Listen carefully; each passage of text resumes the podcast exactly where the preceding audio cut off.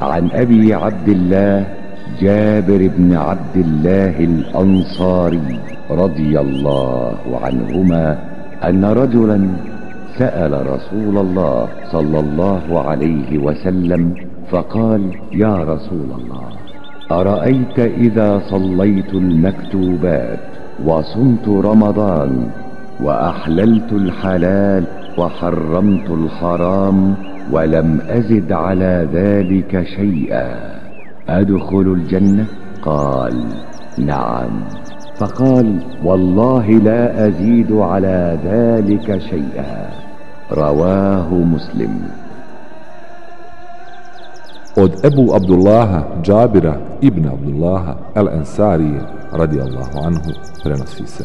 Neki je čovjek pitao Allahovog poslanika sallallahu alihi wasallam šta kažeš kada klanjam propisane namaze i postim Ramazan, držim se dozvoljenog, a ostavio sam zabranjeno i ne činim dalje ništa, hoću li ući u džennet?